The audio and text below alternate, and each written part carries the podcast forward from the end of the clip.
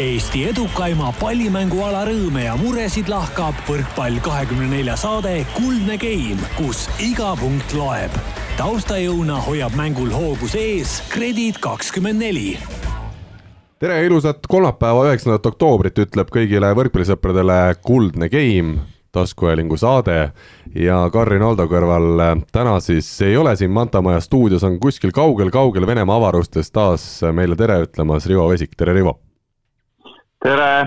ma ei teinud täna kõigile terviseid Venemaalt! ma ei teinud pikka sissejuhatust, sest Rivo, ma tean, mida lühem oma sissejuhatus, seda parem saade üldiselt olnud tulnud, on vist, on vist nii olnud? seda lühem saade on ka tulnud sest sinu sissejuhatused kipuvad minema sellisteks viieteistminutisteks monoloogideks, mis need on väga ilusad muidugi, Karl, ei saa midagi öelda. et sellist äh, loomingulist poolt on sulle antud kõvasti väga hea, äh, ma ei oskagi kohe midagi alustuseks ilusat sulle vastu öelda, sest ei, ei tule midagi mõttesse, kui sinu peale mõtlen, aga aga ole hea, ütle, Rivo, kus sa tänasel päeval oled ja, ja millega tegeled? Äh, oleme Anapas äh, siin Musta mere ääres, et ja mis me siis ikka teeme, trenni teeme, laagris oleme Venemaa koondisega, üks paar, paar turniiri on siin mängida veel. no lõpuks. ja, ja teeme tööd. Lõpuks ometi, Rivo, mulle tundub, et me oleme nagu sarnase kandi mehed, et kui sina oled Musta mere ääres, siis mina olen igapäevaselt ikkagi Mustamäel, et, et tunned sa ka kuidagi seal Eesti sellist lähedust või? ei tunne, ei tunne kahjuks, ei tunne. et on, on võib-olla kui sina oleksid Lasnamäel ja, ja, ja siis, siis oleks nagu vähe lähedamal see asi kõik, aga, aga noh, ei tunne. räägi nüüd äh, asjast ka, millises seisus tänasel päeval äh, see hooaeg, rannavoole hooaeg Venemaa koondises äh, on, kas, kas see põhine puhkus ikkagi sind veel ootab ees või oli see september nüüd see pikk puhkus ära ja edasi käib juba töö järgmise hooaja suunas?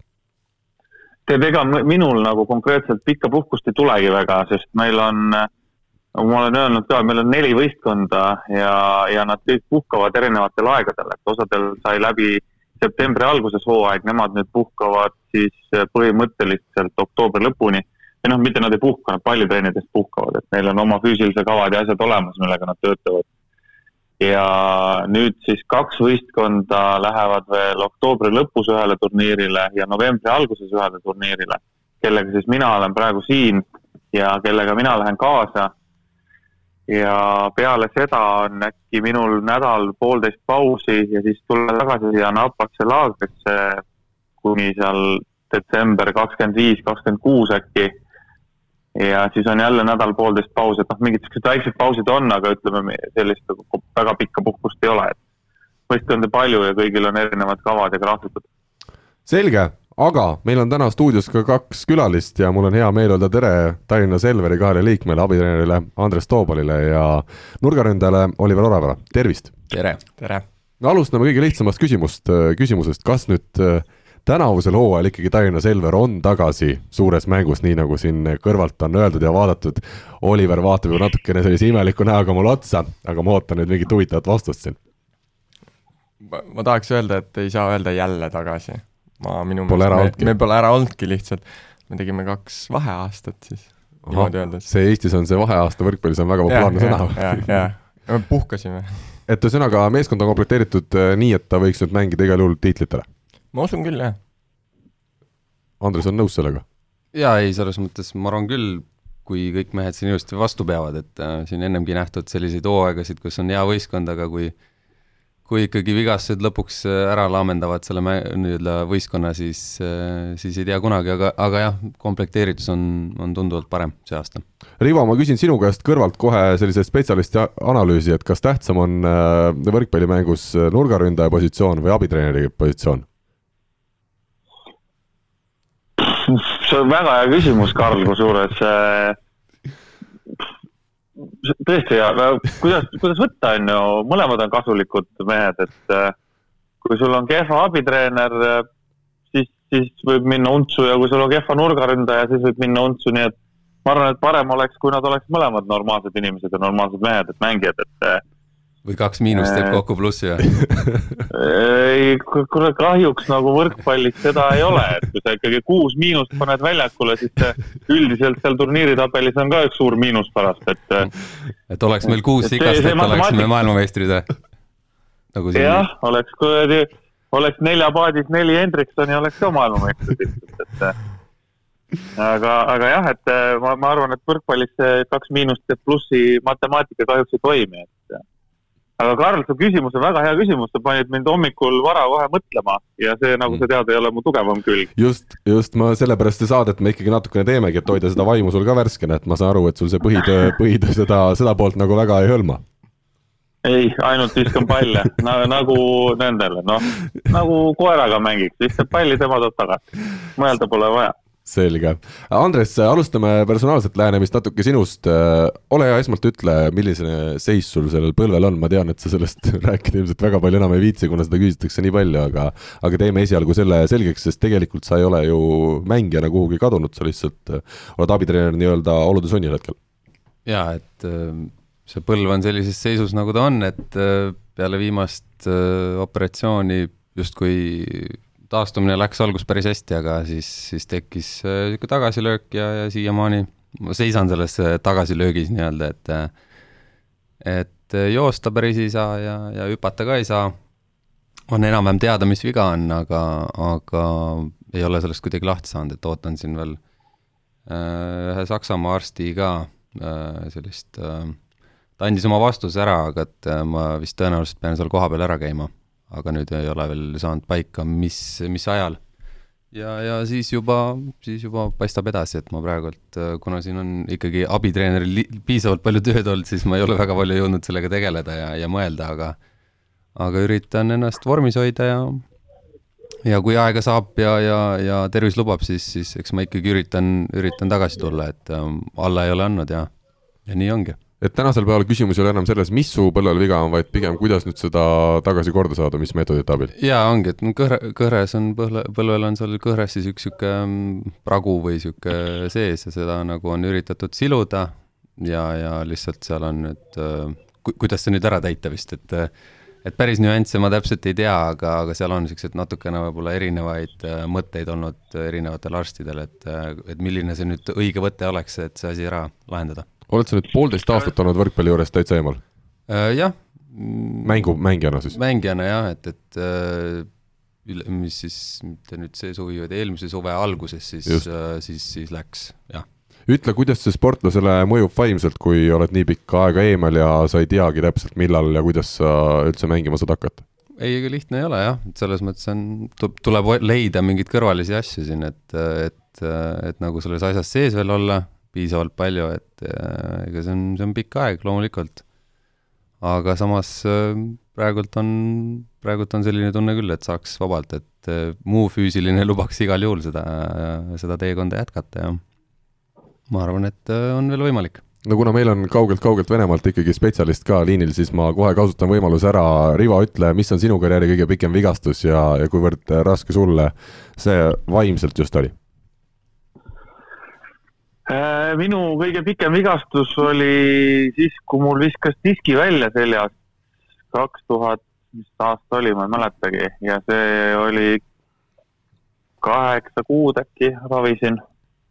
ja ei mänginud ühtegi mängu selle jooksul? ei, ei, ei, ei, ei nalja teed, ma ei saanud käiagi esimesed kaks-kolm nädalat niimoodi, et ärkasin hommikul üles ja siis vasakut jalga ei tundnud, et mingisugune diski või mingi asi oli kuskil närvi peal kinni. Et vasak jalg oli täiesti tuim ja, ja ja nii läks, et noh, kaks, kaks varianti mulle anti, öeldi, et kas operatsioon või, või proovime seal mingi ravivõimlemisega. ja siis hakkasin kütma kolm-neli tundi päevas ravivõimlemist arstidega, et äh, õnneks läks paika, aga, aga tänapäeva tõsiasi on see, et et nädalas vähemalt kolm-neli korda pean tegema harjutusi, et, et ta nagu püsiks korras, et ja hoidma selga tugevana, aga Atsile ma soovitan Voltareeni, see aitab igal asjal, iga asja puhul okei. ja igale poole määrides ja võib-olla isegi sisse võttes või- mõjub. jah, et see on sa- sama, sõjaväes oli, oli kogu aeg vastumkeel, et ma vist olen siis vale asja peal olnud, et Ja Valtareeni proovima. tänapäeval on paremad asjad. Aga Rivo, ma küsin sult seda, et, et ühesõnaga sa annad praegu märku ka, et, et see vigastus, mis sul tekkis seljaga, et ega see ei kao enam kuhugi, see saadab sind ilmselt elude lõpuni. Eh, jah, noh, selle kohta on ka arstid öelnud nii, et ähm, et kui nüüd mingi hetk äkki peab ikkagi midagi lõikama, et äh, aga niikaua, kui suudab selle tugevana hoida, siis, äh, siis, siis ei ole temaga probleemi, noh, teine asi on põlv, eks. Üks põhjuseid, miks ma lõpetasin mängimise ära, oli, oli ju see, et põlve, põlve mingisugune luu hakkas, kasvab või kasvas. Ja nii kui ma hakkasin rohkem hüppama, siis ta hakkas, kuidas öelda, nagu kraapima siis liigest või mingi, ühesõnaga mingit asja ta hakkas kraapima siin sees ja, ja see tekitas valu ja selle kohta ütles arst konkreetselt, et egas, egast lõigata ei ole tarvis, et kui sa lõpetad mängimise ära, siis ta sind ei sega, et kui sa ei hüppa, kui sa ei tee midagi, siis ta elamist ei sega ja praegu ongi täpselt nii, et ma võin nädalas nagu korra, kaks korda mängida võrkpalli või korvpalli ja põlved on jumala okei okay. ja nii kui ma mängin, ütleme kolm-neli korda võrkpalli nädalas, on kohe valu sees, et et noh, osad asjad on sellised, millega saab rahulikult, ma arvan, et ega Ats kindlasti tahab, Andres tahab kindlasti tulla tagasi ja mängida, on ju, et, et palju asju on temal veel kindlasti karjääris tegemata. aga kui ta nagu ära lõpetab, siis see vigastus tal konkreetselt elamist ju ei sega. jah, ma küsin veel, Ivo, sult vahele seda, et sa ütlesid, et sa võrkpalli saad kaks korda nädalas mängida, mitu korda nädalas sa selle põlvega praegu malet saad mängida? Eh, huvitav, väga huvitav küsimus, sest ma istun siin hotelli lobis ja mul täpselt ees on malelaud malet ei olegi kaua aega mänginud, ma võin su vastu võtta, Karl, kui sa soovid. Teeme sulle esmalt need äh, käigud selgeks, ma tean, et sa ajad sassi kabe ja male nupud, et ma kõigepealt näitan sulle, kuidas need värgid käivad ja siis, ja siis saame mängida, ma arvan, jah? ole mängid... nüüd mees, ma oskan malet väga hästi mängida. ahah või kas nüüd, kas nüüd väga hästi, aga ma neid liigutusi tean. selle teeme selgeks ükskord, aga, aga ilmselt mitte raadioeetris. tuleme Oliveri juurde, kes siin saate alguses on jube vähe sõna saanud. esmalt, kuidas sind tänasel päeval kutsuma peab, oled sa nii-öelda professionaalne võrkpallur või oled sa selline töö kõrvalt oma lõbuks võrkpalli patsutav äh, inimene? eks iga inimene kutsub nii, nagu tahab, et äh, selles mõttes, et kunagi, kui Rainer veel meil klubis oli, siis ta ütles väga hästi, et, et professionaalne sportlane niikuinii Eestis ära ei ela. et nii, et noh, jah. et ma arvan, et ma ikka pigem olen niisugune poolproff, aga samas ma teen ikkagi kaks korda päevas trenni, lihtsalt hommikune trenn on teistest eraldi, ja, ja ma olen seda meelt, et vähemalt minu puhul see aitab, et ma tegelen trenni kõrvalt millegi muuga. et sul ei jää sellepärast midagi tegemata, et sa käid tööl? Nii ja naa, selles mõttes, et natukene ikka kannatab võib-olla hommikune trenn see, et ma pean hommikul kell kaheksa või kell seitse seda tegema, et noh, see ei ole päris see, et sa saad iga päev üheksa tundi magada, aga, aga peab hakkama saama. Äh, kuidas siis äh, see elu sul välja näeb tänasel päeval, räägime veel läbi, et äh, ongi hommikul, ma saan aru, põhimõtteliselt natuke pärast seda, kui oled õhtul magama läinud, juba äratuskell ja, ja hommikul enne kõike muud juba trenni mm,? Suht küll jah, et, äh, et äh, noh, kuskil sõltuvalt, mis, mis kava meil Indrek on pannud, jõusaalitreener siis, et vastavalt sellele ma planeerin ka, mis kell ma ärkan, seitse-kaheksa, otse, otse jõuk-, jõuksi ja ja, ja siis peale seda tööle, et, äh, et õnneks nagu selles osas on vedanud, et, et meil on tööl jõusaal olemas, et ma enamus ajast saan seal teha, et siis nagu väike, väike ajavõit seal on. aga võrkpallisaal ei ole teil tööl? Muidu saaks õhtused trennid ka üksi seal ära tehtud ei peaks üldse majast välja minema. kuule, ei ole jah, nad on, nad on mõelnud, et tahaksid teha, aga neil ei mahu kuhugi. selge. no see on see võrkpalli, jälle ma ütlen, toome jälle välja selle malemängu, et seda saaks äh, ilmselt äh, hoopis paremini harrastada. kuule jaa, meil ju viimane kord, kui sa käisid seal majas, siis seal oli malelaud olemas. jah, ja sa sinna maa, siiamaani pole seal mänginud. Rivo ei istunud seal. Rivo ei istunud seal, jah. jah selge, äh, küsime edasi selle töö kohta. mina ütlen päris ausalt, kui ma hommikuti teen treeningu vahel ka, sedasi no, amatöörsportlasena muidugi õhtul ma siis enam mingit teist treeningut üldiselt ei tee. aga siis pärast hommikust treeningut on selline kerge väsimus peal. kuidas, äh, kuidas Oliver Orav väsimusega hakkama saab? Läheb, võtab kohvi. ja Voltaren Voltaren, sisemine ja välimine jah, võtad kohvi, siis loed ajalehte natuke aega ja siis loed meilid läbi ja siis vaatad, et on paras hetk lõunale minna ja siis on väsimus läbi nüüd me saame ka teada, kuidas su tööpäevad okay, okay. ei, tegelikult ma ei tohi öelda. loodan, et jah, et tööandja kuuleb ei, meil seal võrkpallifänne on jah, et ma väga ei saa siin lobiseda aga ühesõnaga, et, et sa jõuad kõike teha, sul ei ole mingit üle, üleväsimust, sa ei ole kogenud? siiamaani ei ole olnud jah, aga no neid raskeid momente ikka tuleb ette, et eriti kui on näiteks eelnevatel hooaegadel olid mingid Läti-Leedu sõidud, oo, tuleb pühapäeva öösel koju. Hommikul vaatad, et kas on üldse mõtet magama minna või läheks otse äkki tööle. Et äh, need on natukene rasked, aga siiamaani ma ei tea, kas meil treeneritega vedanud või, või, või mis, aga õnneks on nagu kõik aru saanud, kui, kui ma tõesti olen öelnud, et noh, nüüd oleks puhkust vaja, et mul on vaja üks päev puhata või midagi sellist. et jah, pigem sa ei ole selline kõrvaleviilija, vaid see puhkus tõesti tol hetkel kulub ära jah, Andres, sina oled välismaal ka mänginud, ütle, kas need legendaarsed äh, Läti-Leedu reisid, okei okay,, Leedut äh, jumala tänu vist osade mängijate hinnangul just selle reisimise tõttu äh, enam liigas mängimas ei ole, aga kas need Läti ja Leedu reisid olid siis midagi väga erilist või välismaal see on iganädalane kogemus, et tuleb kaugele sõita? ei, ta on selles mõttes erilisem, et kui sa ikkagi välismaal väga tihti niisuguseid asju ei ole, et sa mängid kaks mängu järjest. et Jah., et äh, see reis tegelikult lõppkokkuvõttes võib-olla ei olegi nii, nii hull, et sa sõidad, no ma arvan, et siin mingid Poola mehed teavad väga hästi, noh, ma ei ole väga suurtes riikides olnud, et Slovakkias oli vist ka, ma ei tea, viis tundi vii-, kõige suurem nagu reis, on ju. aga sa lähed sinna nagu üheks mänguks, sa mängid selle mängu ära, sa saad järgmine päev puhata, et aga aga need Läti reisid tõesti, et need on äh, selles mõttes päris rasked, et sul on ja noh, teades Läti võistkondi, nad on ebamugavad ja No noh, Ozolnik kõik, ei. kõik tehakse, kõik tehakse nagu võimalikult ebamugavaks ka ja ja kui sa lõpuks sealt tagasi tuled, siis, siis sa oled väsinud, et äh, ja, ja see teise päevase, ütleme pühapäevase päeva niisugune kokkuvõtmine, need on, need on alati keerulised samas sa saad kohe kaks mängu ära, et sa ei pea muidugi kaks korda reisima, noh, kõik on nagu õige, aga, aga ma mõtlen just äh, füüsilise poole pealt on, on meestel päris raske kindlasti ja, ja ja see on see koht, kus, kus tekivad ka vigastused, mis on nagu noh, minu jaoks niisugune mõel-, mõtlemise koht, et aga, aga nii on, et selles liigas nagu muud moodi päris ei saa. ma küsin siis vahele ära selle Osolniki küsimuse, Osolnik enam ei mängi siin äh, kohalikku liigat, aga kas see on kõige erilisem kogemus, kus teie olete mänginud äh, ja kui, siis miks?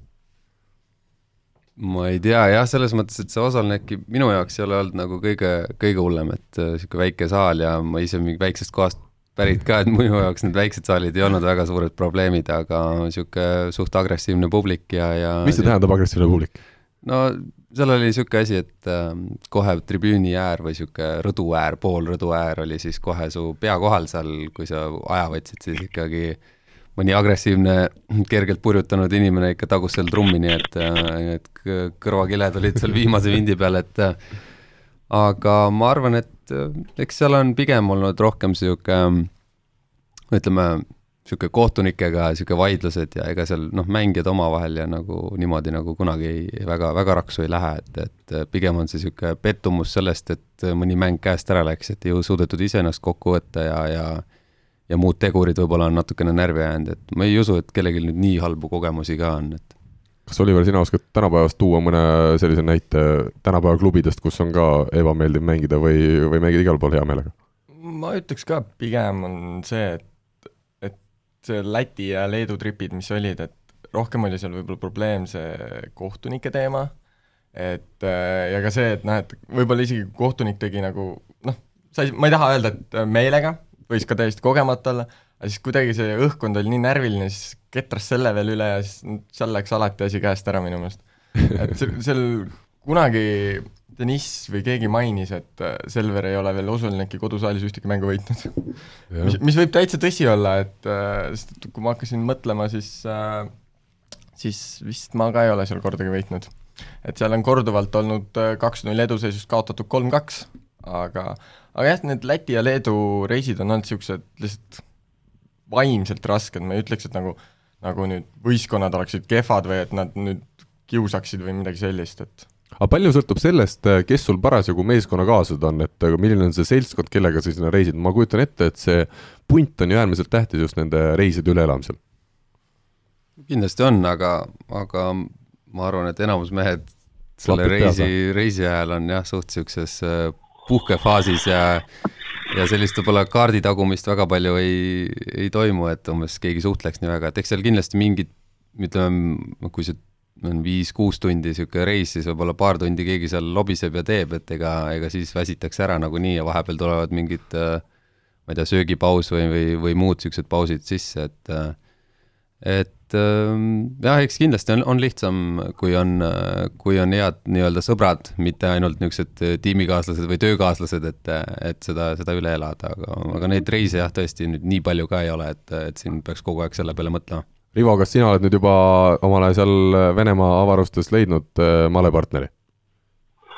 ei ole, ei ole veel, aga ju... rääkides, rääkides äh, saalidest, on ju, ja lendamistest, siis äh, või, või sõitudest, siis äh, päris paljud mängijad, kes on tulnud Venemaale mängima, välismängijad, on öelnud, et nende jaoks on kõige, kõige raskem ongi see, et sa peadki reisima hästi palju. ja Venemaal on see, et, et, et ei ole kolm tundi bussiga sõitu, vaid sul on seitse tundi, kaheksa tundi lennukiga lendu ja siis sa lendadki Siberisse kuskile, kus on maru külm ja nagu Andres Toobal ütles, et mängid seal ühe mängu ja siis tuled tagasi, on ju.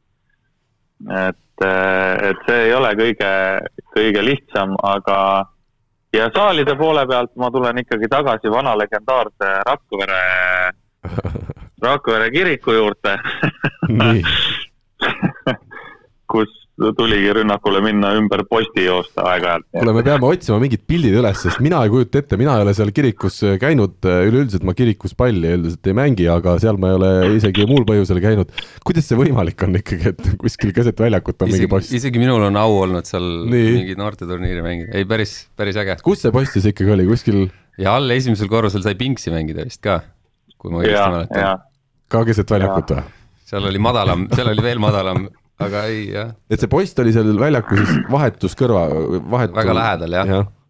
et seal... vahetusmehed istusid põhimõtteliselt nagu võlvi all sedasi ja siis, ja siis, kui tahtsid minna, minu arust oli äkki kahe pealt, ühelt poolt kahe pealt ründama niimoodi väljakult välja siis pidi posti jooksma peaaegu. Need tõst-, tõsted olid lühikesed kogu aeg ja, ja mitte, ja mitte kogemata, et, et, et ikkagi meelega, jah. Ja sellepärast Rivo oligi ikkagi temporündaja, ta sai aru seal kirikus juba, et kui sa hakkad näiteks diagonaali mängima, siis läheb noh, siis võidki posti otsa sõna otseses mõttes joosta, et sul oli lihtsalt Rivo kergem tempost tulla, alati selline turvalisem koht keset väljakut ja, ja aga teine äge koht, kus me mängisime mingeid koolidevahelisi võistlusi need on alati, noh muidugi ei saa nüüd meistrite liigat ja asju võrrelda, on ju, aga need on alati olnud niisugused legendaarsed ägedad mingid koolisaalid. siis üks koht oli selline, kus äh, kuna oli palju võistkondi, siis pandi väljakud risti ja pandi äkki kolm väljakut risti ja, ja väljaku pikkusega ei mahtunud nagu ta sinna risti pannes ära. ja siis oli seina peal oli sihuke meetri kõrgusel oli joon. öeldi, et kui vastu sinna, oli, oli, öeldi, et kui vastu seina lööd sinna, siis on sees.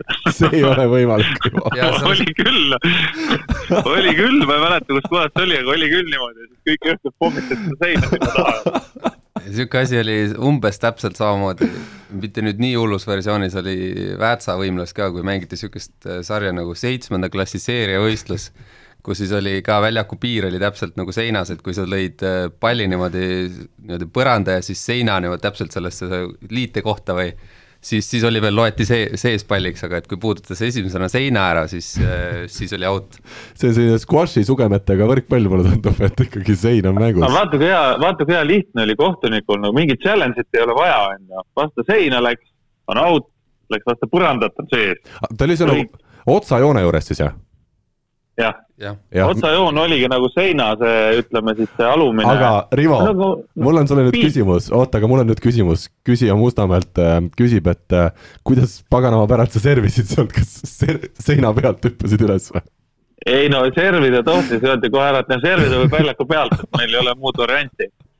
aga jah, oli, oli selline ma isegi mäletan, et meil üks mees üritas nagu, oli nagu väravaht seal taga kuue peal hüppas, et vastu seina pall ei läheks möllas seal ringi. et seal Väätsal oli samamoodi, et ühe ühe, ühe sammu võisid teha seinast, et servida. jah, täpselt, mingi selline reegel oli jah, jah.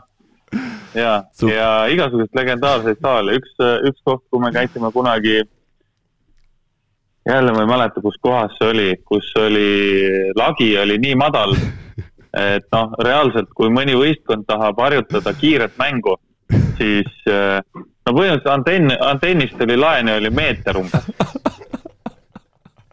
ja seal siis käis jõhker andmine. hull, ainult temporünnakud olid igalt poolt. Jälle põhjus, miks Rivost sai temporündaja, järjekordne saal, mis su karjääri mõjutas. Ei no siin ongi siuksed, kes meil siin legendaarsemad lendurid Eestis olid, on ju, sama Tikaste ja, ja Orav samamoodi, Oliver oleks ilmselt seal lage kaapinud käega, oleks pärast lage värvima panema ma olen vist nii paljust ilma jäänud. ja meie, meie generatsioon Oliveriga on ikkagi, ei ole elu näinud, võib öelda, see seinavõrkpall ja laevõrkpall on jäänud nägemata. meile tundub, et, meile tundub, et TalTechi spordihoones on äh, lagi madalal, aga ma saan aru, et Rivo selle jutu peale sa naerad, jah? oi ei, mis seal on ikka okei okay lagi, jah see on väga okei okay lagi. selge nii, läheme edasi. Oliver, mul on sulle raskeid küsimusi veel ees ootamas, neid, mis ma olen sult varemgi küsinud. millal sa lõpuks välismaale lähed? siis, kui õige aeg on. Millal see õige aeg tuleb? siis, kui vaatad, ärkad hommikul üles, vaatad kalendrisse, näed, nüüd on õige aeg. aga seda ei ole veel tulnud äh,? nii ja naa, et äh, ütleme nii, et äh, oli momenti, võib-olla ma natuke ise natuke lollisti magasin maha selle momendi Äh, noh, seal jooksid ka muud asjad kokku. see oli siis poolteist aastat tagasi, kui Maasseks sind, sinust huvitatud oli? Äh, jah, äh, ja siis, kui see ega, ega väikseid muresid selle koondisega oli, aga vaatab, selles mõttes, et ega ma ei ole seda mõtet äh, maha matnud, et ma nüüd ei lähe välismaale. sa oled kakskümmend neli, sa ei ole tegelikult, Andrus Raadik sel ajal alles äh, hakkas aru saama, mis see võrkpall on. jah, muideks ma olengi Andruse nagu selles mõttes, mõttes võtnud eesmärgiks, et näed, noh, et isegi ta on nagu suht vanalt sai, sai välislepingu, et noh, et mis ma kiirustan siis, et aega on aga, aga nii, et huvi sul endal ikkagi on, lihtsalt tuleb see konkreetne pakkumine peab olema niivõrd huvitav ja tugevast liigast, et sa tahaksid sinna minna? jah, et selles mõttes, et ma isegi ei ütleks, et äh, see pakkumine peab mingi tugevast liigast olema, et pigem on see, et ka muud asjad äh, praegu elus peavad natuke kokku jooksma. nii et see töövärk ikkagi hoiab sind ka siin natuke? ja eks ta ikka hoiab, jah. vot. Soome esiliigas pakutakse koos tööga tavaliselt seal ongi see töö on põhiline, kui trenni jõuad, see on boonus aga, aga rääkides veel sinust endast ja sinu äh, mõtetest, kas sa ise nüüd tunned, et sa oled viimastel aastatel nii-öelda edasi arenenud selgelt läinud paremaks ja, ja näed seda arengut äh, ise kindlalt? eks ma mingites elementides ikka näen, et äh, on muutunud võrreldes varasemate hooaegadega. et äh, eks noh, ei saa midagi vaata öelda, sest et see natuke võib-olla läheb ka treenerite pihta, et et võib-olla siin viimased äh, kaks, kaks hooaega, kus meil siin treenerid on hullult vahetunud, et et siis ei ole nagu seda stabiilsust tekkinud, et, et igal, igal treeneril on ka nüüd Piirol, et on oma, oma nägemus sellest kas või mingitest tehnilistest elementidest ja siis äh, see, mida näiteks, kui ma just nurga, nurgaründajaks tulin ja see, mida Rainer mulle kolm aastat õpetas, siis osad asjad on nagu erinevad sellest, mida nüüd teised treenerid näevad.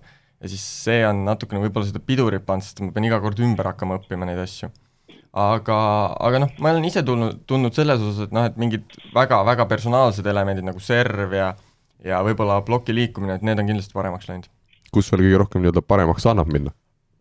Kõige rohkem veel annab juurde panna muidugi plokis, sest et ma ise tunnen, et seal on väga suur puudujääk. oled sa nüüd lõplikult nurgaründaja, diagonaali kohast enam ei himusta ja sinna tagasi minna ei taha? See on hea küsimus no sa saad nii palju kuue pealt tagant rünnata, et ma arvan, et sul sellest ründamisest puudu ei tule ju.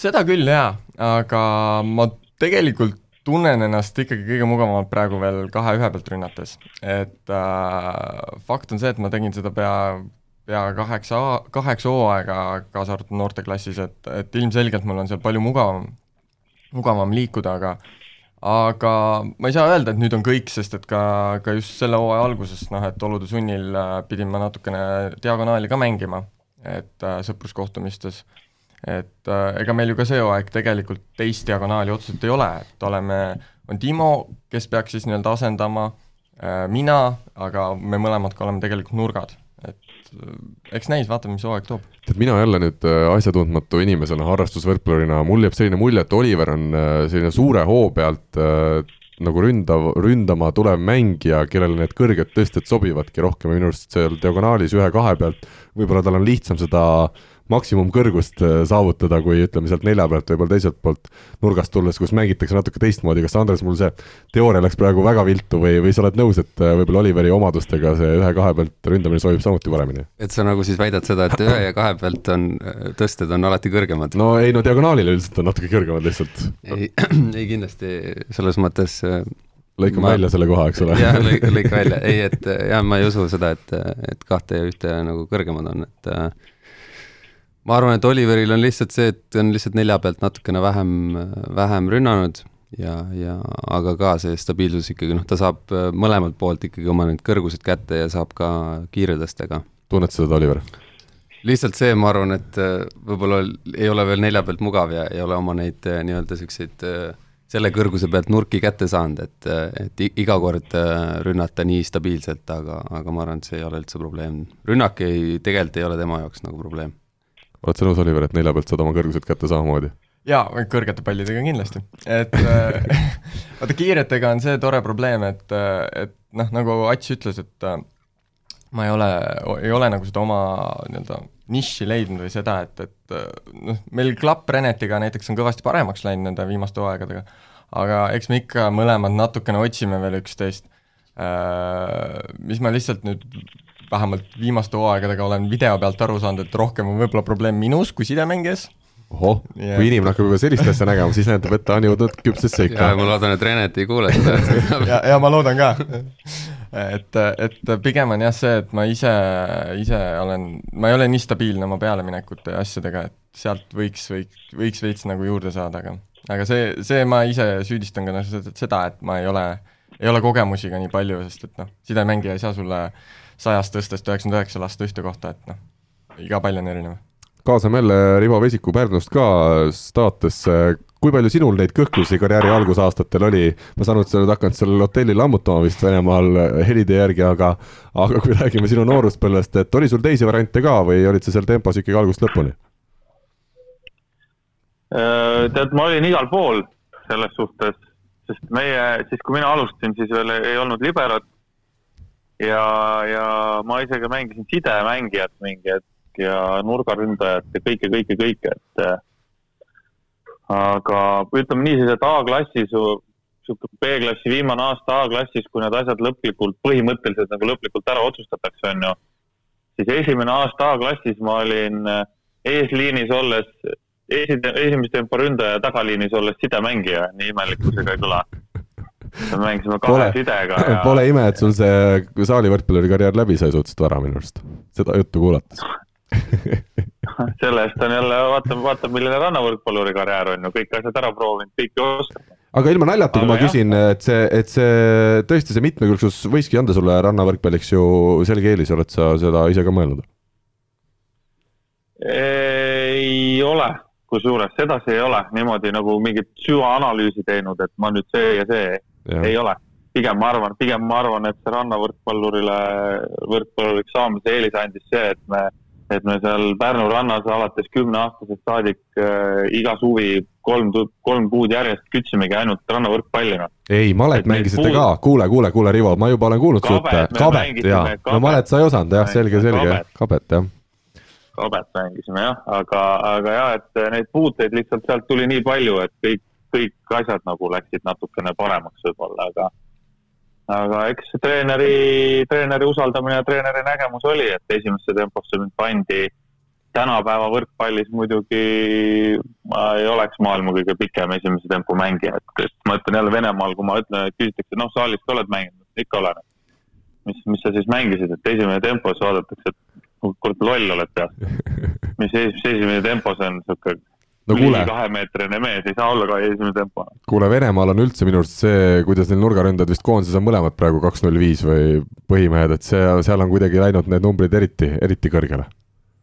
noh jah, aga samas vaata see Venemaa koondist on ju, nurgaründajad on kaks null viis, aga aga EM-il ilmselgelt sidemängijad ei vedanud välja, on ju, et sul võivad need nurgaründajad seal kaks nelikümmend ka olla, aga kui nendel palli ette ei suuda panna, siis ega sellest suurt kasu midagi ei ole, et aga tempo, tempode koha peal jah, väiksed, väikstel meestel on juba kui nagu loogiliselt mõelda, siis sinna nurka liikumise aeg on juba nii palju suurem ja pikem, et tänapäeval võrkpall on kiire ja kõrge, et äh, mina arvan, et minu lagi võib-olla saalis oleks võinud olla kuskil Saksamaa liiga keskmik, võib-olla seal viimane ots või Prantsusmaa meistriliiga, võib-olla viimased võistkonnad pigem nagu esiliiga, et et, et selle koha pealt ma olen täitsa realistlik, et, et ma ilmselt mina ei oleks välismaale saanud kuhugile, et ma olen oma valikuga rahul. teeme siin aga väikese pausi ja võtame ette ühe rubriigi küsimusmängu toetaja on teamshield.com oma disainiga spordi ja vaba aja riided. Eelmisel nädalal esitasime siis taolise küsimuse, mitu Eesti meistritiitlit on Aavo Keel ja Urmas Tali võitnud kahe peale kokku peatreenerina? kas äh, Andres ja Oliver teavad vastust? ma võin huupi pakkuda. huupi võib, äh, jaa, see bingot mängitakse ka näiteks no, nii, ikka võidetakse vahel no,. puht statistiliselt siis siin Selveril, Aavo oli Selveris mingi kümme aastat äkki või? noh, ma arvan, et äkki pooled kindlasti võitis, ehk viis tiitlit, no kokku ma arvan siis mingi kümme tiitlit. aa, kust need ülejäänud viis tulid? aa, sa panid jaa. kokku, no Urmasega okei okay,, okei okay,, nii, nii, Andres? jah, ma arvan, et ähm, kahe peale kokku, oota, Urmas sai kindlasti veel ma annan äh, väikese vihje, et kui sa ütled sarnase numbri nagu Oliver, siis sa võib-olla oled päris lähedal. jaa, aga ma arvan, et on rohkem, sellepärast et äh, üksteist siis. okei okay., äh, Rivo, mis sina seal kaugel arvad? Pakutud oli kümme, üksteist. viis ja üksteist. ei, kümme ja üksteist, jah. kümme ja üksteist. ma panen, no ma panen siis üheksa pane üheksa, aga Andres, muidugi Andrese vihjest arusaamine, selle kallal tuleb töötada, sest õige vastus on kümme Aavo kaheksa ja Urmas kaks. Aga meil oli kaheksa õiget, õigesti vastajat, ausalt öeldes kõik, kõik vastajad äh, peale Heiki Kiiskineni vastasid õigesti ja olge head nüüd ühest kaheksani, anname vanemale mehele või? jaa, vanem mees, Andres, äh, ühest kaheksani üks number. mis su särginumber on, oota, teeme selle enne selgeks. Äh, nüüd Selveris või? noh, kui on. seitseteist nii, seda siis täna ei saa aga siis ähm, üheksa äh,. number üheksa seda ka ei saa. kuidas seda siis saab äh,? Viis. viis, Valentina Kaasik, palju õnne, võrkpalli kahekümne nelja erisärk Eesti võrkpallilegendidest on nüüd sinu oma. Ja uue nädala küsimus. Äh, ma lasen, Oliver, sul esmalt äh, väike sissejuhatuse teha, millega sa veel oma kõigi muude tegevuste kõrvalt täna tegeled, millist rakendust sa oled äh, välja töötamas? Uh,? jah, et kuna mul aega on nii palju üle, et siis uh, teeme paari, paari sportlasega koos uh, platvormi, ma ei taha öelda rakendust, meile meeldib sõna platvorm, mis peaks lihtsustama Äh, just võistkonna spordialade treenerite ja sportlaste vahelist suhtlust, pluss siis äh, lisaks nägema vaeva ka sellega, mis tegelikult professionaalne sportlane trennivälisel ajal teeb, ehk kogu vaimne pool. eesmärkide seadmine, väärtused, kogu, kogu selline kupatus ja nüüd on väga lihtne küsimus, millise Eesti võrkpallikoondislasega Oliver Orav seda asja ajab? Ja kõik õiged vastused saab saata info, et võrkpalli kakskümmend neli punkt ee ja võrkpalli kahekümne nelja Facebookile sõnumitesse, meie aga astume järgmise teema juurde. aeg on välja selgitada nädala tegija nädala tegija rubriik ja siin siis äh, Facebooki võrkpalligrupis jätkuvalt neid hääli saab anda igaüks ja kolmas koht, Mart Naaber, üheksa häält, Mart on teinud äh, Soome liigas väga kõva avalduse, et äh, et kas see Soome liigagi talle õige on, et vaadates siin algust, siis võiks vist isegi veel kõrgemates liigades mängida, Andres, sina oled sina oled sidemängijana kindlasti väga hästi kursis sellise mehe nagu Mart Naabergi olemusega. kuidas sulle tema hetkeseis tundub?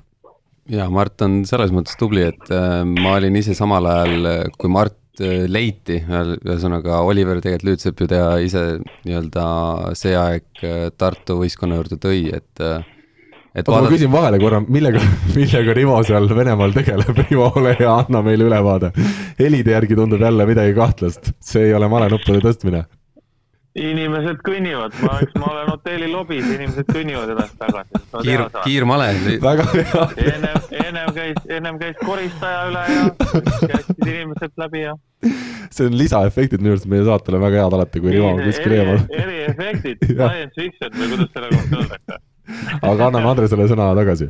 Jah, et, et äh, kuidas äh, Mart tegelikult nagu arenenud on või avanenud, et ega talle see lihtne ei olnud kindlasti, aga, aga see, et ta sinna võrkpalli juurde tuli ja, ja praegult äh, noh, tema, tema nagu võimed on ikkagi nii palju paremaks läinud ja, ja ja päris hea meel on, et ta sai siit Eestist nüüd nagu välja ka, et kindlasti sealt saab samme edasi teha palju lihtsamalt ja, ja praegult muidugi Oliver Lüütsepp on tal muidugi jällegi kõrval, et et kas ta laseb teda kuhugile kaugemale, et, et see, see saab ka nagu, aga, aga tõesti, Mart on, kuna tal, tal on, ta on võimeline väga hästi mängima ja lihtsalt tal on vaja seda enesekindlust natuke juurde ja, ja, ja natukene mängu, mängu lugemist ka ja siis sellisel juhul ta juba, juba võib, võib tugevamates liigades ka olla. kas tema tugevus on rünnak või kaitsemäng?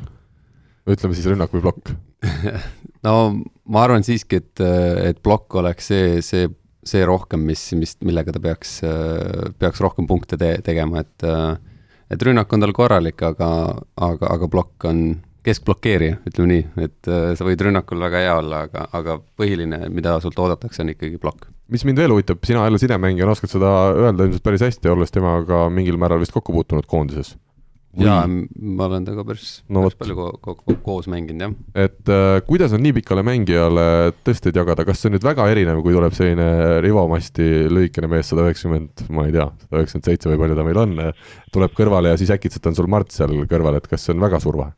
no Rivo ju hüppas ka ju nii kõrgele oh,. lihtsalt, lihtsalt võis natuke aega oodata, aga Mardile peab natuke kiiremini sinna ära laskma, et äh, ei, selles mõttes küll, ega ega kui on niisugused pikad mängijad, siis, siis eks need, seda kõrgust kätte saada vahest on päris, päris keeruline, aga, aga ma ei ütle, et midagi müstilist, et äh, natukene väiksed nüansid on lihtsalt äh, teistmoodi, aga, aga muidu on suht sarnane ikka.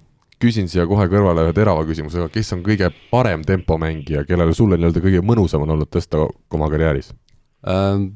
ma arvan, et meil oli päris, päris niisugune huvitav äh, nii-öelda äh, koos mängimine Dmitri Vošitskiga, et ähm, oli ka hea kas, mees. jaa, ei, selles mõttes küll, aga tema oli siis see aeg noor ja, ja, ja niisugune hullike ka, aga, aga me, me ega me päris tõusvalt ei mänginudki või, või niisugust äh, loogilist, et niisugune ähm, niisugune natuke võib-olla aeglasemalt tuli peale, aga, aga see kõrgus, kus ta võttis juba see aeg, see oli päris äh, muljetavaldav, et äh, sellest on tegelikult nagu kõige niisugused lahedamad mälestused, et ise olid noor ja, ja ja tema noor ja, ja siis ähm, see toimis nagu päris hästi. see kõlab nagu niisugune armastuslugu. no eks ta natuke kindlasti on, jah. tuletame meelde, Dmitri Bašitski näol on täna tegu Venemaa meisterklubi Kemerova Kuspassi ühe põhimehega, nii et on tõesti need tiivad teda kõrgele ja ka kaugele kandnud. jaa, ei, seda oli nagu näha juba see aeg, et, et kui ta ikka tahab ja eks tal oli see aeg natukene võib-olla niisugune suhtumisega noh, eks nad seal võitlesid ka võib-olla treeneritega nagu ikka, jah. jah, aga aga see oli niisugune lahe aeg, et äh, kus sai, sai vabalt panna ja, ja selles mõttes oli, oli äge. Oliver, vahele sulle küsimus, kes on parim sidemängija, kellega sina koos oled mänginud? Äh, hea küsimus. Mm.. meil siin saates halbu küsimusi väga tihti ei tulegi, kui siis Rivalt mõni arvab. lihtsalt ei öelda. Need ei jõua eetrisse. Et kui sa, kui sa esitad küsimuse ja ei öelda ette, et see oli väga hea küsimus, siis üldjuhul oli see halb ma olen lihtsalt nii vähe, väheste sidemängijatega koos mänginud, et äh, seda lihtsam on valida. Ja, ja no seda raskem vaata, et et äh, kindlasti ma arvan, et kõige, kõige lihtsam on olnud mängida Andresega, siis kui ma tulin äh, just diagonaalist äh, nurka aga ega siin on huvitavaid tegelinskeid veel olnud, kellega, kellega sai mängitud nagu Ergo Sartakov oh,, Selveri esimene aasta. vähe, vähe. et, et, et kuna ka siis oli noh, ikkagi suht tihti trennides A versus B, siis Ergoga oli väga põnev seal. Argo olid sees minu, Ergo olid sees minu arust, et kui olid A ja B mängisid omavahel nagu Ergo ise on öelnud, ta ei olnud sidemängija, ta oli tõstja nii. aga ei, Ergoga oli ka päris tore, et äh, lühi-, lühema sidemängijaga on see tore asi, et pall liigub kauem, et siis on lihtsam parandada. aga, aga jah, selles mõttes ma arvan, et kõige mugavam on mul olnud äh, Andresega mm. -hmm. aga vaatab, kaua ma veel Renetiga koos saan mängida, et see on paljulubav. ahah, Gert Toobali nime sa ei mainigi? ma olen temaga koos mänginud kaks kuud äkki koondises, et äh, noh, mul on raske hinnangut anda, et äh, kindlasti ta on väga hea sidemängija. aga jällegi, kui palju tõsteid ma koondise ajal temalt sain, siis rohkem oli ikkagi Andreselt. selge, äh, teine koht nädala tegija valimisel, äh, Oliver, sina seda meest tunned päris hästi, Andres on ka teda ilmselt kuulnud. Oliver Orav, kümme häält meil vist yes. seda ei olegi väga tihti olnud, et meil oleks äh, siin sellised inimesed kohe saates, kes on eelmisel nädalal valitud paremate hulka. kuidas siis hooaja algusega ise rahule oled jäänud just isiklikus plaanis? Tunned ennast hästi? tunnen ennast hästi, jah, et äh, uus treener jälle äh,, uued treenerid, ütleme siis nii, et jõusaali treener on ka jälle uus kes teil see aasta jõusuid treeninud? Indrek Verro, tagasi Indrek, jah? tagasi Indrek, jah. et äh, ma olen rahule jäänud muidugi, et äh, vara on nagu mingeid äh, põhjapanevaid järeldusi teha treeneri ja, ja satsi kohta, aga ma ütleks, et palju lubav. selge, me väga pikalt äh, Oliveris sellel, selles rubriigis peatuma ei hakka, kuna me niikuinii Oliverist räägime täna päris palju, esimene koht. nüüd on küll äh, selline huvitav nimi Siim Ennemuist, kaheksakümmend kolm häält ülekaalukalt nädala tegija. eks äh, inimesed vist armastavad seda lihtsalt, kui, kui tulevad äh, tagasi väljakule need, kes justkui on öelnud, et enam ei tule. kuidas, äh, Andres, sina vist teda tunned natuke lähemalt ka? jaa, ikka jah, eks Siimuga on koos mängitud ja ei, selles mõttes me oleme siuksed natuke saatusekaaslased siin oma põlvehädadega ja, ja, ja, ja tal vähemalt nii palju laseb mängida ja, ja ma arvan, et ta on võimete poolest nagu üks paremaid blokeerijaid, ma arvan, siin liigas, et, äh, et tema, kui ta vähegi kannatab tal seal vastu pidada, siis, siis ma arvan, et Pärnule on ta liiga, Pärnu võistkonna jaoks on ta ikkagi nagu igal juhul väga, väga tugev täiendus ja ja, ja mul on hea meel, et ta nagu uuesti, uuesti nagu platsil on, et ega siin oli siin isegi vist äh, juttu, et äkki, äkki proovitakse teda Selverisse saada, aga ma ei tea, kas, kuidas need jutuajamised läksid. tundub, et ei läinud väga hästi, Andres. jaa, või, või kas üldse selleni jõuti, et, et seda ma ka ei tea, lihtsalt oli, käis nimi läbi, et mis, mis ta teeb ja kuidas, aga aga ennem ta juba jõudis, jõudis ikkagi Pärnusse minna, et kuigi jah, mina teadsin ka, et ta juba nagu lõpetas ära ja et ta ei tule enam tagasi. aga see on tõesti selline meeldiv asi ikkagi võib öelda, et see ühtpidi näitab seda, et Siimul ei ole see armastus võrkpalli vastu kuhugi kadunud ja teiseks näitab ka seda, et see põlv ikkagi vähemalt hetkel tüü laseb, laseb mängida. ja, ja, ja noh, see muidugi, kui, kui ta niimoodi tagasi tuli, et noh, loomulikult nüüd noortele natukene ka ma ei tea, kas nüüd Indu juurde, aga just, et noh, et praegult on seis selline, et ega väga palju mängijaid võtta ei ole. Ja, ja igal juhul tema liitumine teeb seda, seda liigat tugevamaks. Mattias Rahuoja, ma ei tea, palju sina, Andres ja, teie ja Oliver vaatab üldse niisuguse näoga otsa, et no nii, kes see nüüd on, aga, aga Pärnu eest väga hästi siin kontrollmängudes mängis kaheksateistaastane temporündaja, kas temal on juba aeg nii-öelda meeste hulgas ka tähtsaid mänge mängida või arvad, et veel on vara? Kindlasti mänguaega ta, ma arvan, saab ja, ja eks äh, nende noorte mängijatega ongi see, et äh, nad võivad ju väga hästi esineda, mõned üksikud mängud ja see ongi nagu loogiline mängijat äh,, noortmängijatega, et et hooaja sees tuleb väga palju niisuguseid tõuse ja mõõne. ja kui sul on kõrval võtta siis nagu Ennemuist seal, kes võib-olla ka kehvema vormi pealt tuleb, teeb ikkagi oma ära, oma ära, et, et siis, siis sellised vahetused on ju iga, igal juhul head ja, ja ma arvan, noorel mängijal tema kõrvalt õppida ka nii palju, kui Siim enda, enda õpetussõnu annab või, või vähemalt enda sellise äh, Äh, olekuga, et, äh, et see, ma arvan, kooslus tavaliselt üldjuhul töötab, et. Äh, Rivo, tuleme nüüd sinu juurde tagasi. Siin on, annab palju sarnasusi leida sinu ja Siimu vahel, mõlemad temporündajad ja, ja mõlemad justkui olid karjääri lõpetanud, et sul sul, millal sul see tagasitulek siis ikkagi tuleb, sa ütlesid, et kaks korda nädalas annab võrkpalli mängida, üldiselt meil siin liigas üle kahe mängu nädalas ei ole, et saaks täitsa oma asjad tehtud või? kuule, ma, ma juba tegin oma comeback'i ära ja, ja lahkusin areenilt eh, Balti liiga hõbemedaliga kuld, aga kuld on ju saamata, comeback'i siis. ei noh, ah, tühja sest, see on ainult medal. jah. Eh, ei, ei tee comeback'i, ei ole plaanis comeback'i, ei äh,, mitte nii, ei rannavõrkpallis kui ka saalivõrkpallis. ma tänan küsimast, aga, aga jah, minu jaoks on need ajad möödas seda... meil, meil oli au mõlemal selle, selles mängus äh, olla. ahah. Jah, ja oli jah. kas Oliver ka juba või? ei olnud Oliveri jah? Oliver... oli, oli ikka, võistkonnas ikka olid. Oliver ei mäleta selliseid suvalisi mängijaid, nagu Rivo Vesik tundub siis oli see hooaeg, kui oli, oli Mareta ja oli vist see hooaeg või? ei olnud, see oli varem, ei olnud või? Lincoln ja Mareta, ja, ja. Lincoln ja Mareta, jah. ühe, siis sa tulid ja. sinna mänguks ja käisid kollale veel servimas ka ju? jaa, jaa. No vot. kuidas Andres seda? puserdas ära midagi veel, ma mäletan, võttis minu eest ühe palli kuue peal, jumala lihtne pall. ronis sinna ette, noh, võttis ära, pani põste sellega ahah no,, sellised mehed siis äh,. Andres, palju sellest mängust veel mäletad, kas see Rivo tulek oli nii-öelda, võeti riietusruumis hästi vastu või vaata, et, et kes see selline on? ei, kindlasti seal oli niisugust ähm, niisugust nalja ja niisugust võib-olla positiivset emotsiooni sees, et äh, et aga mis mul sellest mängust meeles on see, et äh, me ise natuke soperdasime ära, me juhtisime ja see Balti liiga võit oli tegelikult päris lähedal ja, ja Tartu tuli järgi ja, ja ainuke asi, mis ma mäletan, et ma panin ploki, aga see plokk äh, läks Kollo. Kollo pea pihta ja, ja, ja see põrkas üle ja, ja nii et need olid sinu õnnetud käed, jah? Need olid minu õnnetud käed, jah. ei tasu plokki panna sedasi, ikkagi no, siis, jah, et ka, oleks pidanud kaitsemehel laskma seda varem, et kahjuks nii, jah. Kas see on Eesti läbi aegade kõige erilisem punkt, äh, ütleme, kas te olete mingis tavas, tavamängus suvalisel hetkel midagi erilisemat näinud või ongi see, see sellisel hetkel meistritiitli otsustanud punkt kõige erilisem või? mm,? Võib-olla niimoodi, et nagu mis tähtsuse osas küll, aga, aga ma ei tea, kas Ats mängis siis, aga meil veel, aga üks aasta Selveriga, mäletan, kuidas äh, mingi Eesti satsi vastu ennemus lõi tempot niimoodi, et ta lõi tempot enne maandumist lõi kannaga palli üles äh, Lincolnile tõsteks, eeteliini, tühja võrgu peale. et ma, meil on kuskil see video olemas ka äkki, et see oli, see oli päris naljakas nii et juhtub ikka, aga, aga sellisel hetkel vist selliseid punkte ikkagi ei pruugi isegi kolla elus rohkem tulla? jah, ei, ega väga ei, sellisel hetkel kindlasti mitte, et ma arvan, et selliseid olukordi ikka tuleb, aga, aga mitte sellistel hetkedel, et väga tähtsad punktid ja, ja, ja õnnestud nii, jah. Läheme aga siit järgmise rubriigi juurde mängija profiil, üks inimene, erinevad vaatenurgad. Lincoln Williams, nagu nüüd siis selle saate jooksul selgus, siis teie kõigi kolme endine meeskonnakaaslane.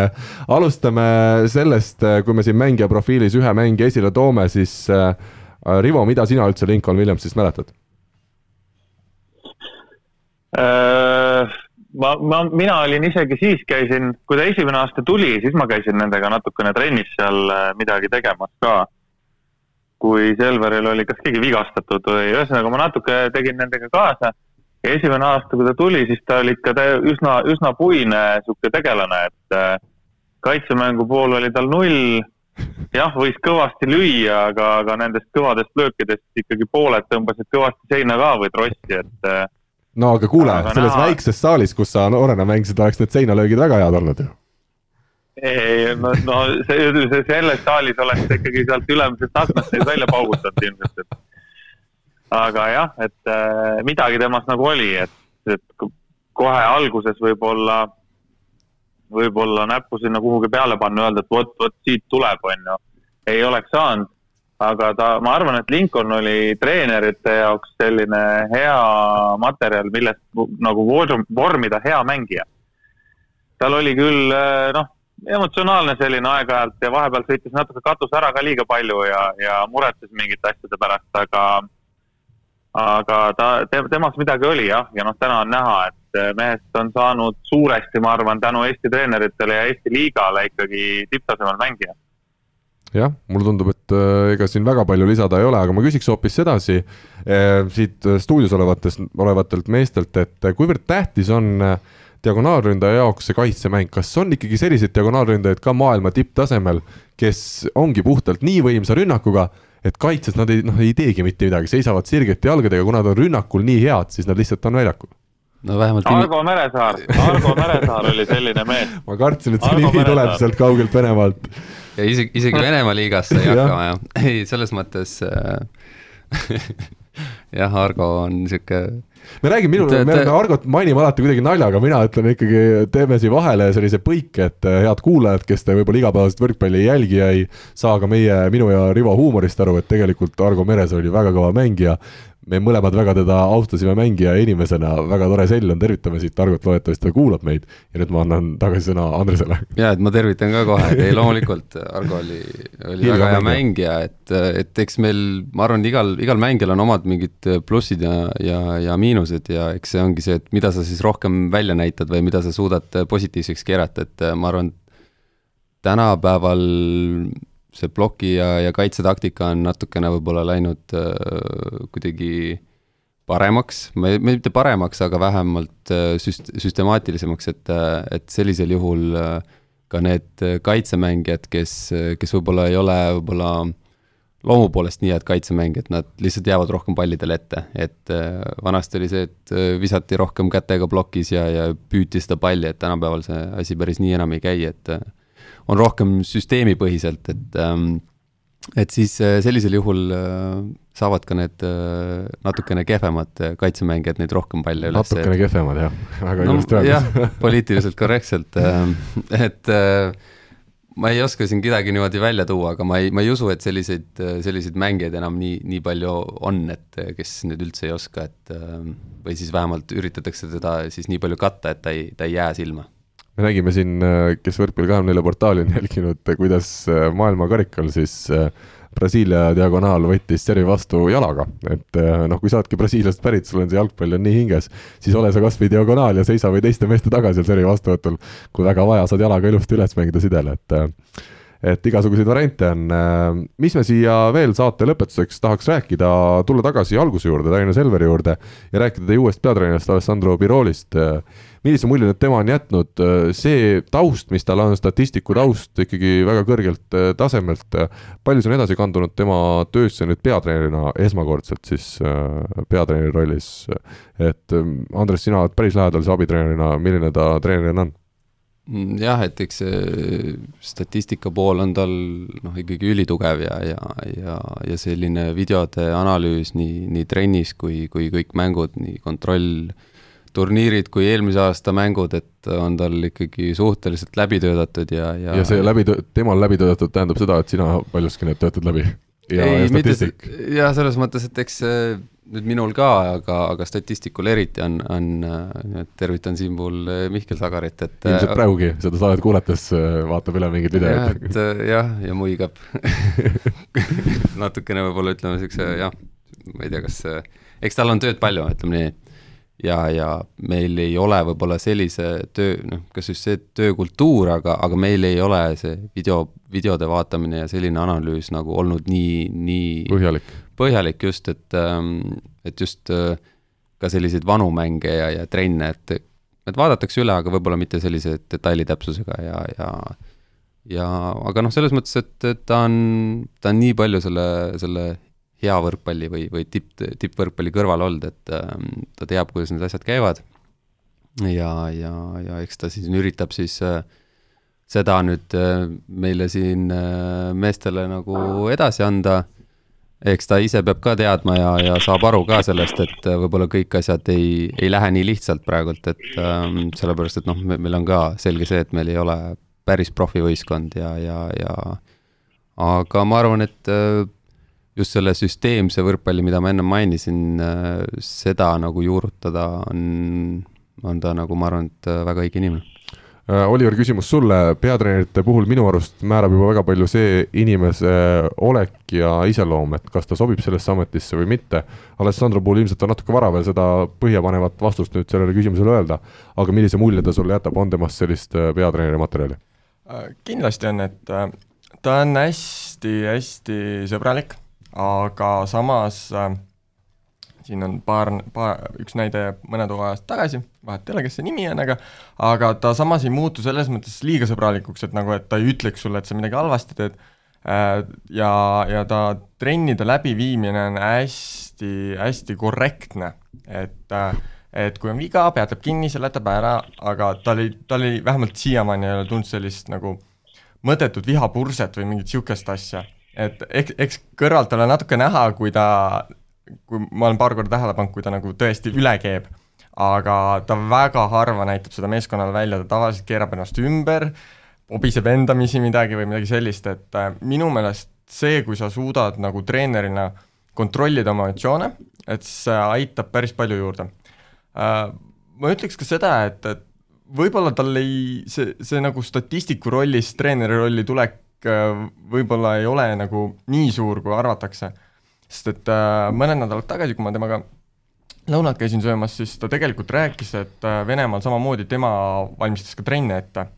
ja siis nii-öelda tegi selle põhja valmis trennide ettevalmistuse ja siis nii-öelda peatreeneriga arutasid läbi, et kas midagi muuta või kas on vaja muuta.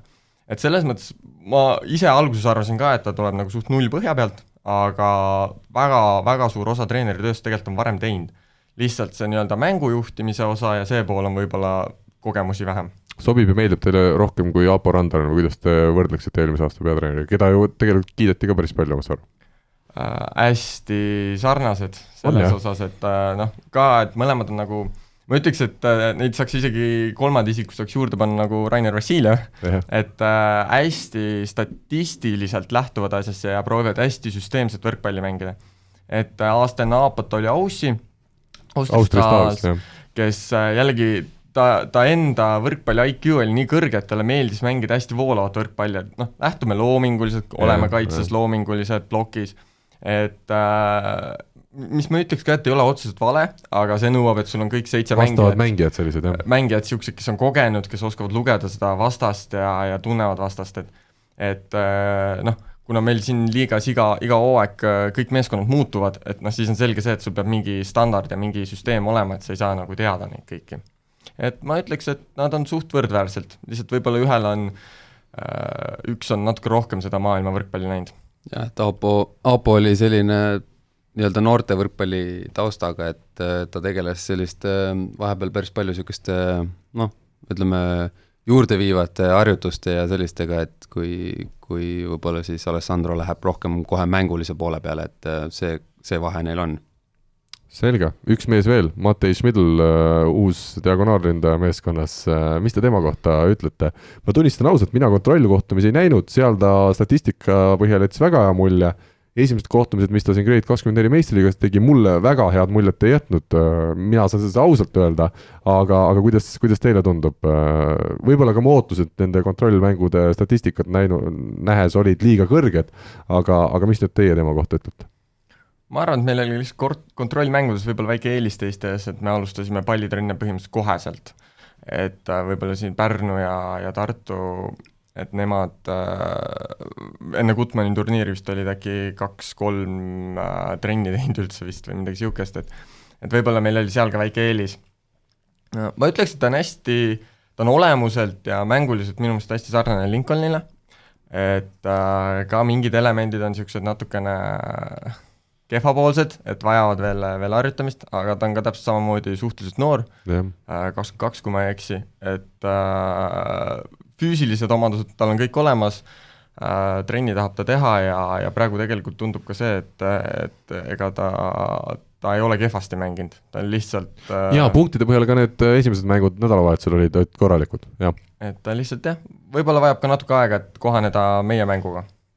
jaa, ei selles mõttes ta on äh jah, natuke raske on tõesti esimese nende, kui need äh, kontrollturniirid, et sealt ei tasu, sest osad me, võistkonnad olid ju poolikud alles seal ja meie olime tõesti juba täiskoosseisu täiskoosseisuga ja, ja, ja olime tegelikult päris palju juba palli mänginud, et äh, sealt nagu mingit sellist Äh, võtta, et äh, kuidas ta peaks nagu liiga, et noh, selge oli see, et see nädalavahetus oli, olid päris paljud mehel ka natuke niisugune nä-, nerveerisid ja tahtsid seda kindlalt äh, punkte kätte saada või, või võitu ja, ja ja päris palju jäi sinna taha ka, et ähm, tegime hästi palju oma vigu ja, ja tema oli üks nendest, kes, kes sellega kõvasti patustas ja ja, ja eks ta on niisugune, ta on jah, füüsiliselt tugev ja, ja, ja jõuline mängija ja nüüd tal ongi see, et ta peab aru saama, et ta ei, ta ei saa kogu aeg nii, nii mängida, et, et siis tuleb palju vigu.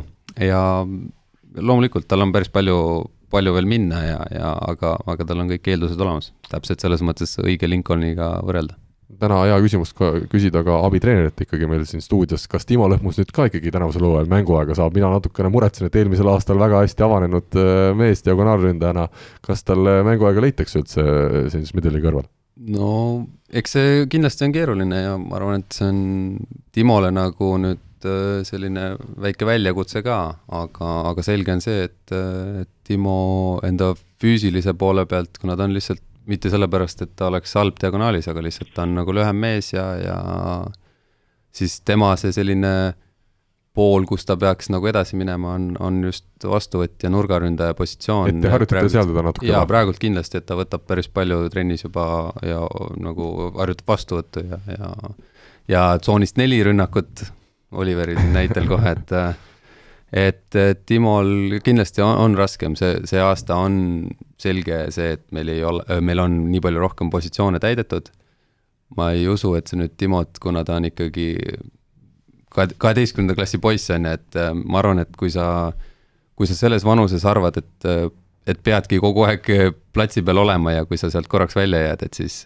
siis on nagu midagi halvasti, et see, see ei tähenda kindlasti seda, et temale nüüd võitluseks, et et see, kas see koht nüüd diagonaalründajana tagasi võita või siis siin astuda kõrvalolevale isikule näiteks kanna peale ja, ja võtta see nurgaründaja positsioon, et Timol on kõik eeldused olemas ja ja ma arvan, et kui ta kõvasti tööd teeb, siis eks siis paistab.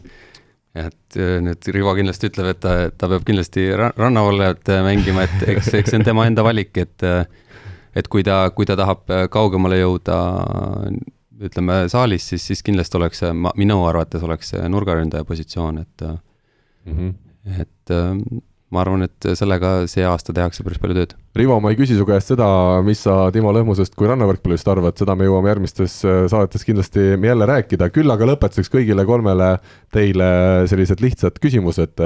Rivo, alustame sinust. esimene nädalavahetus äh, koduses liigas on mängitud. kes on tänasel päeval sinu hinnangul kõige suurem tiitli pretendent uh...?